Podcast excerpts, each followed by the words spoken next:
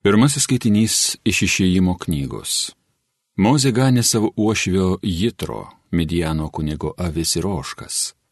Vieną gražią dieną, bevarinėdamas gyvulius po stepę, jis atsidūrė prie Dievo kalno Horebo.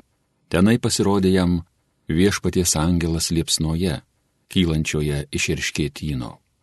Mozė pastebėjo, kad krūmas liepsnoja, tačiau nesudega. Jis tarė savo Eisiu ir pasižiūrėsiu to keisto reginio, kodėl geriškėtis nesudega. Pamatęs, kad Moze ateina arčiau pažiūrėti, jam Dievas sušuko iš irškėtyno. Moze, Moze. Tasai atsiliepė, aš čia. Viešpats pasakė, arčiau neprieik. Nusiauk savo kurpes, nes vieta, kur tu stovi, šventa yra žemė. Ir tęsi. Aš esu tavo tėvo Dievas, Abraomo Dievas, Izaoko Dievas ir Jokūbo Dievas. Tada prisidengė Mozė veidą, nes pabijojo žiūrėti į Dievą. O viešpats kalbėjo. Aš pamačiau savosios tautos vargus Egipte, išgirdau jos skundą prieš prispaudėjus, žinau jos kančią. Todėl aš nužengiau juos išvaduoti iš egiptiečių rankų ir išvesti iš to šalies į gražų ir platų kraštą, kur pienas ir medus upeliais plūsta. Tuomet Mozė paklausė, taigi nuėjęs pas Izraelitus, aš jiems pasakysiu, mane pas jūs atsiuntė jūsų tėvų Dievas. Bet jie mane klaus, o kuo jis vardu, ką aš tada jiems sakysiu. Dievas Mozė atsakė, aš esu esantysis. Ir pridūrė, Izraelitams tai pasakyk, mane pas jūs atsiuntė esantysis. Dievas toliau kalbėjo Mozei. Štai taip pasakyk Izraelitams. Mane pas jūs atsiuntė viešpats esantysis jūsų tėvų Dievas, Abraomo Dievas, Izaoko Dievas ir Jokūbo Dievas. Toks mano vardas visiems laikams, taip aš būsiu vadinamas per visas kartas. Tai Dievo žodis.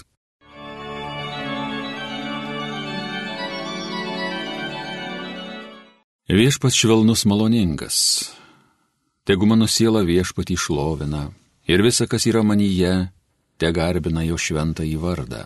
Lai mano siela viešpatį šlovina, lai neužmiršta, kiek jis man gero padarė. Viešpats švelnus maloningas. Jis man visas kaltes dovanoja, gydo mano visas silpnybės, nuo pražūties gelbi mano gyvybę, gaili manęs ir puošia mane savo malonę viešpats švelnus maloningas. Viešpats pasaulyje vykdo teisybę, gina visus prispaustuosius, savo sumanimus jis mozėje preiškė, jo darbus didžius Izraelis regėjo. Viešpats švelnus maloningas.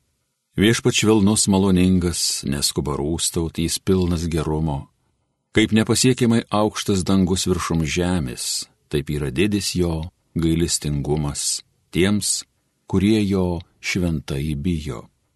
Viešpats švelnus maloningas.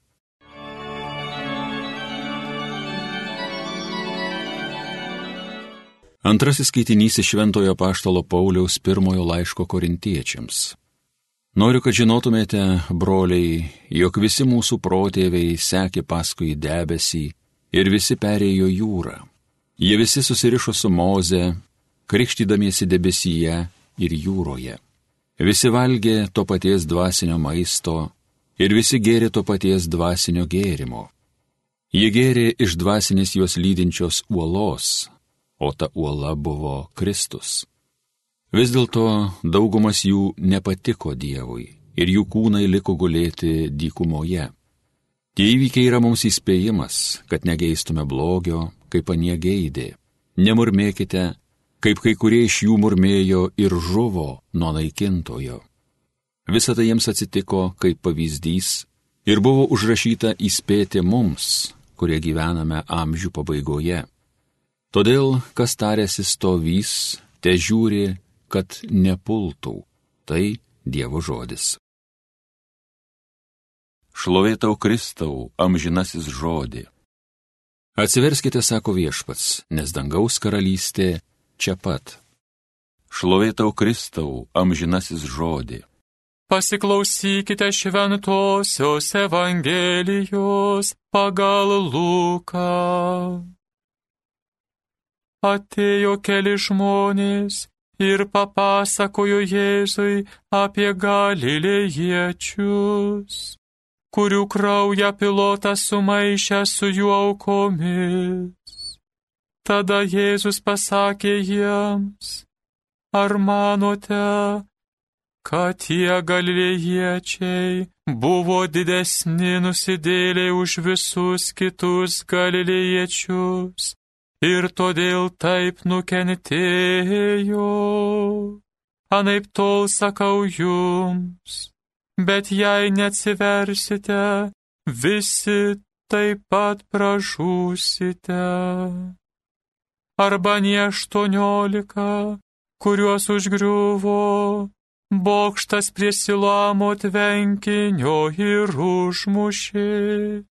Jūs manote, kad jie buvo kaltesni už visus kitus Jeruzalės gyventojus? Ne, sakau jums, bet jei neatsiversite, visi taip pat pražūsite. Jėzus pasakė palyginimą.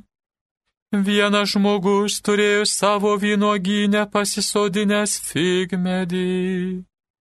Kartą jis atėjo pažiūrėti jame vaisių, bet nerado.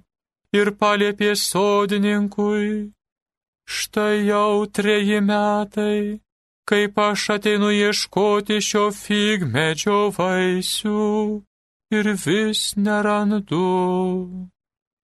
Nukirsk jį, kam dar žemę alina. Anas jam sako, šeimininkė, palik jį dar šiais metais.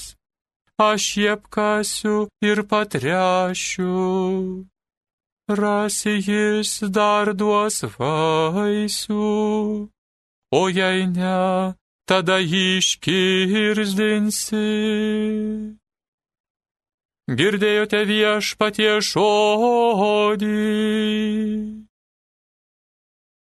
Mėly Marijos radio klausytojai, kai Jėzus Kristus ragina atsiversti, susimastyti, kad vienus ištikusi nelaimė gali ištikti ir mus gali ištikti koks nelaimingas atsitikimas, lyga kokia.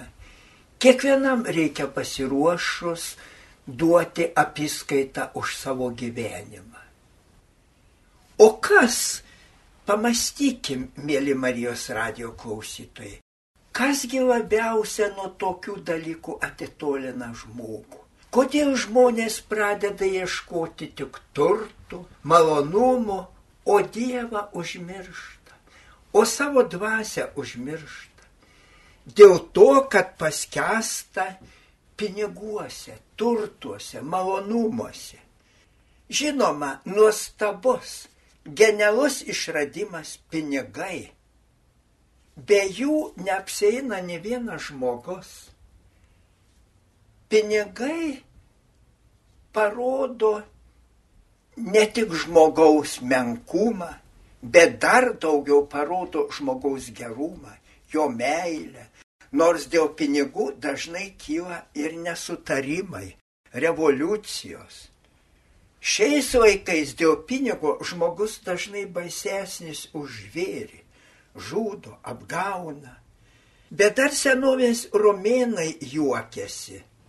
Nėra tokios aukštos tvoros, kurios neperšoktų aukso apkrautas asilas.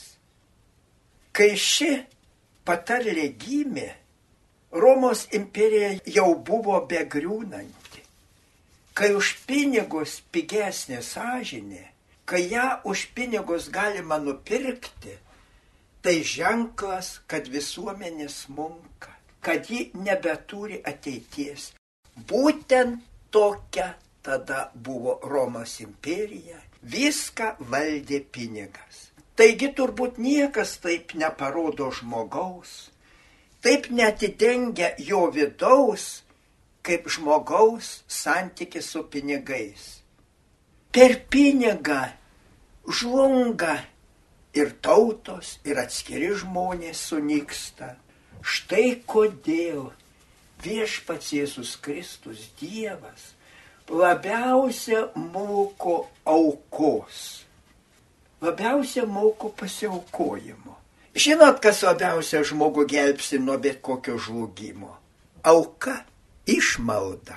Ypač kai žmogus ko nors labai nori turėti, bet pamatęs, kad kitas tiesiog miršta, paukoja kitam, save kiek nuskriausdamas. Tikra motina būtent tokia dvasia moko tikro tikėjimo ir savo vaikus. Štai mama kalėdų proga kalbina savo vaikutį aukoti savo žaislus neturtingiems vaikams. Taip tu padarysi labai daug džiaugsmo pačiam Jėzuliui. Vaikas ir sako, atiduosiu visus žaislus, pasiliksiu savo tik meškiuką. Mama šypsosi. Taip, meškiukas yra mylimiausias vaikučių žaislas. Bet mama sako, o ir Jėzus labiausia nori meškiuko. Vaikas purto galvą. Bet po pusdienio, verkdamas, jis atneša meškiuką ir deda prie visų žaislų, kurie jau motinos atrinkti aukai.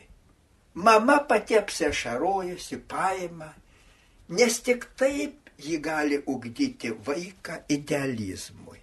Turbūt žinote, kad yra buvęs baisus antrasis pasaulinis karas. Ypač dabar tai jaučiame, prisimename, kai šitaip kenčia Ukraina užpulta okupantų rusų. Ir tada antrojo pasaulinio karo metu, kai Hitleris su Stalinu kovojo, labai daug vokiečių atsidūrė Tarybų sąjungos lageriuose. Štai viena motina turėjo tris sūnus ir vyrą, labai gražiai gyveno, sutarė, bet dabar visi žuvė, vien tik nuotraukos. Iš tai, ką jis sugalvojo, rašo jo įkraštį. Yra motinų žmonių, kurių vyrai sūnus lageriuose. Ir ji rašo teseris vyriausybei, prašo ją iškeisti į kokį nors vyrą. Ji gali dirbti kaip vyras, nors bus nelengva, bet džiaugsiuos, kad koks nors vyras grįž pas savasias, o aš už jį kentėsiu. Po šios moters laiško savaitės bėgė atsirado taip besisiūlantis 51 vyras ir 7 moteris. Vienas iš jų, net buvęs rusų lagerį, paleistas iš to lagerio, bet grįžęs namo ir neberadęs nieko iš šeimos gyvų, vėl siūlosi. Vokiečiai labai mėgsta tyrimus. Ir štai tyrimuose atkreipi dėmesį į vieną faktą. Pasirodo, tie besisiūlantys žmonės visi gyvo tikėjimo žmonės. Rašė apie tai München Review. Turbūt esate girdėję, kad kai buvo įkalinti kunigai Svarinskas ir Tamkevičius, į lietuvių daugelis siūlėsi. Rašė laiškus tarybiniai vyriausybei, paleiskite. Kai kurie rašė laiškus net krauju. Aš sutinku būti kalėjime už Svarinską, už Tamkevičių. Rašė tokius laiškus. Tik čia pas mus niekas tyrimų nedarė. Ir į ką norėčiau šiandien ypač atkreipti dėmesį. Dievas žada palaimą besiaukojantiems, duodantiems išmaldas. Ir štai įrodymas, atsitikimas garsiajam Eisenhaueriui. Karo metais Eisenhoweris buvo vyriausių Europos karo vadu. Vėliau jis tapo Amerikos prezidentu. Iš tai jau beveik karo pabaigoje jis važiuoja į Paryžių. Jau geras kelias ir likę kokie 25 km. Bet mato, prie šionio kelio stovi du žmonės. Tiesiog verkia, sustojo, klausinėja to žmonės. Jie gavo žinę apie nelaimės ištiktus savuosius. Nori būtinai pasiekti juos. Bet norint pasiekti, reikia važiuoti visai išoninį kelią. Eisenhoweris galvoja, norint juos pavežti, reikia sukti iš šoną ir paskui į Paryžių važiuoti ilgesniu, dvigubai, trigubai ilgesniu keliu ir labai labai blogu. Bet vis tik Eisenhoweris davė įsakymą šoferiui, pasuko, nuvežė to žmonės. Vėliau kas paaiškėjo, kad taip išvengė pasikesinimo, nes pakelyje jo jau laukė, kaip vyriausia karo vada, ji norėjo vokiečiai nužudyti. Tai ko mus šiandien ypatingai moko?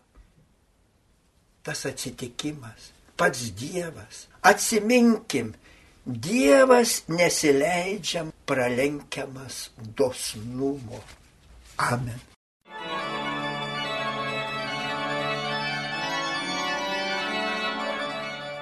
Evangeliją gėdojo kunigas daktaras Vilius Sikorskas. Homilyje sakė panevižio vyskupas emeritas Jonas Kauneckas.